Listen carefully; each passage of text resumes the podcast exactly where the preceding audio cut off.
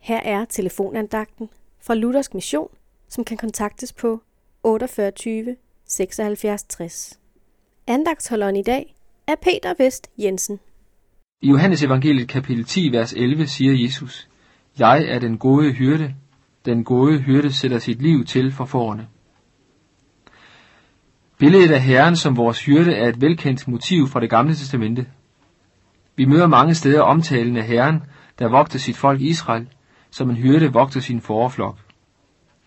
I profeten Esajas' bog, kapitel 53, står der sådan, Vi flakkede alle om som får, vi vendte os hver sin vej, men Herren lod al vores skyld ramme ham.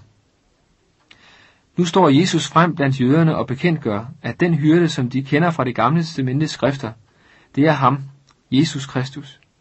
Jeg er den gode hyrde, som I kender fra skrifterne, og den gode hyrde sætter sit liv til for forerne. Vi i dag som mennesker var på det gamle testamentets tid og på Jesu tid. Vi er som omflakkende får. Vi er faret vild og let vild af dårlige hyrder. Men den gode hyrde lever stadig, og han forkynder for os, som han gjorde det for jøderne dengang. Den gode hyrde sætter sit liv til for forerne. Det er sket. Det skete på Golgata uden for Jerusalem for næsten 2000 år siden nu. Der lod Herren al vores skyld ramme den gode hyrde. Han blev straffet for, at vi kunne få fred.